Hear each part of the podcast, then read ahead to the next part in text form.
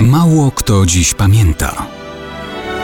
Datownik historyczny prezentuje Maciej Korkuć.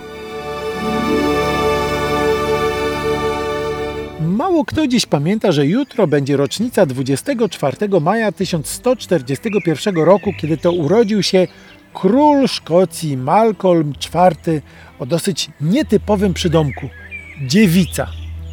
Był ostatnim królem Szkocji, który nosił rdzenne szkocko-galickie imię, a nie jakieś tam angielskie, względnie łacińskie. Był najstarszym synem króla Henryka I szkockiego z dynastii Dunkeld. Dokładna data dzienna jego urodzin nie jest do końca pewna.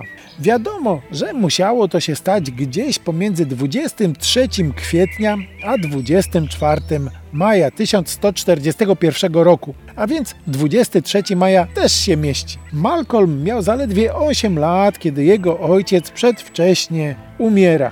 Musiał objąć tron i wszystkie związane z tym obowiązki. Największy kłopot? Jasna sprawa, oczywiście dla Szkotów już wtedy największym problemem było sąsiedztwo z Królestwem Anglii. Po kilku latach panowania Malcolm był zmuszony złożyć hołd lenny wobec angielskiego władcy Henryka II. No dobrze, ale skąd ten przydomek? Dlaczego dziewica?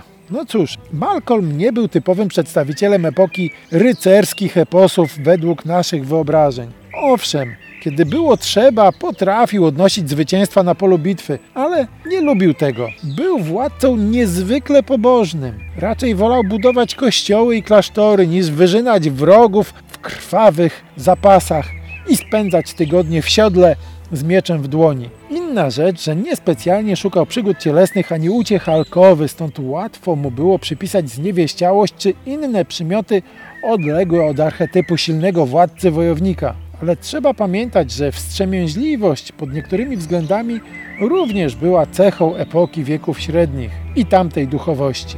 Ale miała też swój koszt. Potomków Malcolm IV nie zostawił. Może byłoby inaczej, gdyby żył dłużej. Tymczasem umierał jako zaledwie 24-letni młodzieniec, pozostawiając po sobie w ludzkiej pamięci szkockie imię, no i ten zupełnie nietypowy przydomek.